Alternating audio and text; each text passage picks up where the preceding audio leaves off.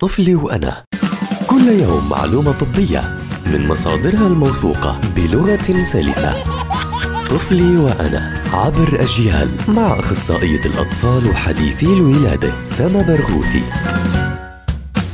أهلا وسهلا بمستمعي ومستمعات أجيال عبر منصاتها المختلفة.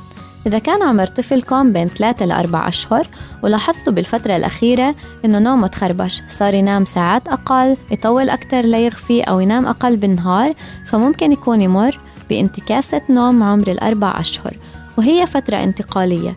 بيختلف فيها نوع نوم الطفل من نوم بيشبه نوم الرضع لنوم بيشبه نومنا إحنا البالغين في فترات عميقة أكثر وبالتالي بتتخربش فيها آه، طبيعة نوم الطفل.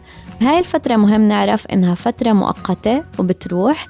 نحاول إنه نخلي روتين آه، نوم دائم للطفل ثابت يومي حتى ما نخربشه أكتر. ونحاول خلال الليل حتى لو صح الطفل نحافظ على أجواء هادئة أصوات منخفضة. وخلال النهار أول ما نحس على علامات التعب نساعده إنه ينام القيلولة. استنوني بحلقة جديدة من طفلي وأنا حتى نحكي عن مواضيع بتتعلق بصحة الطفل.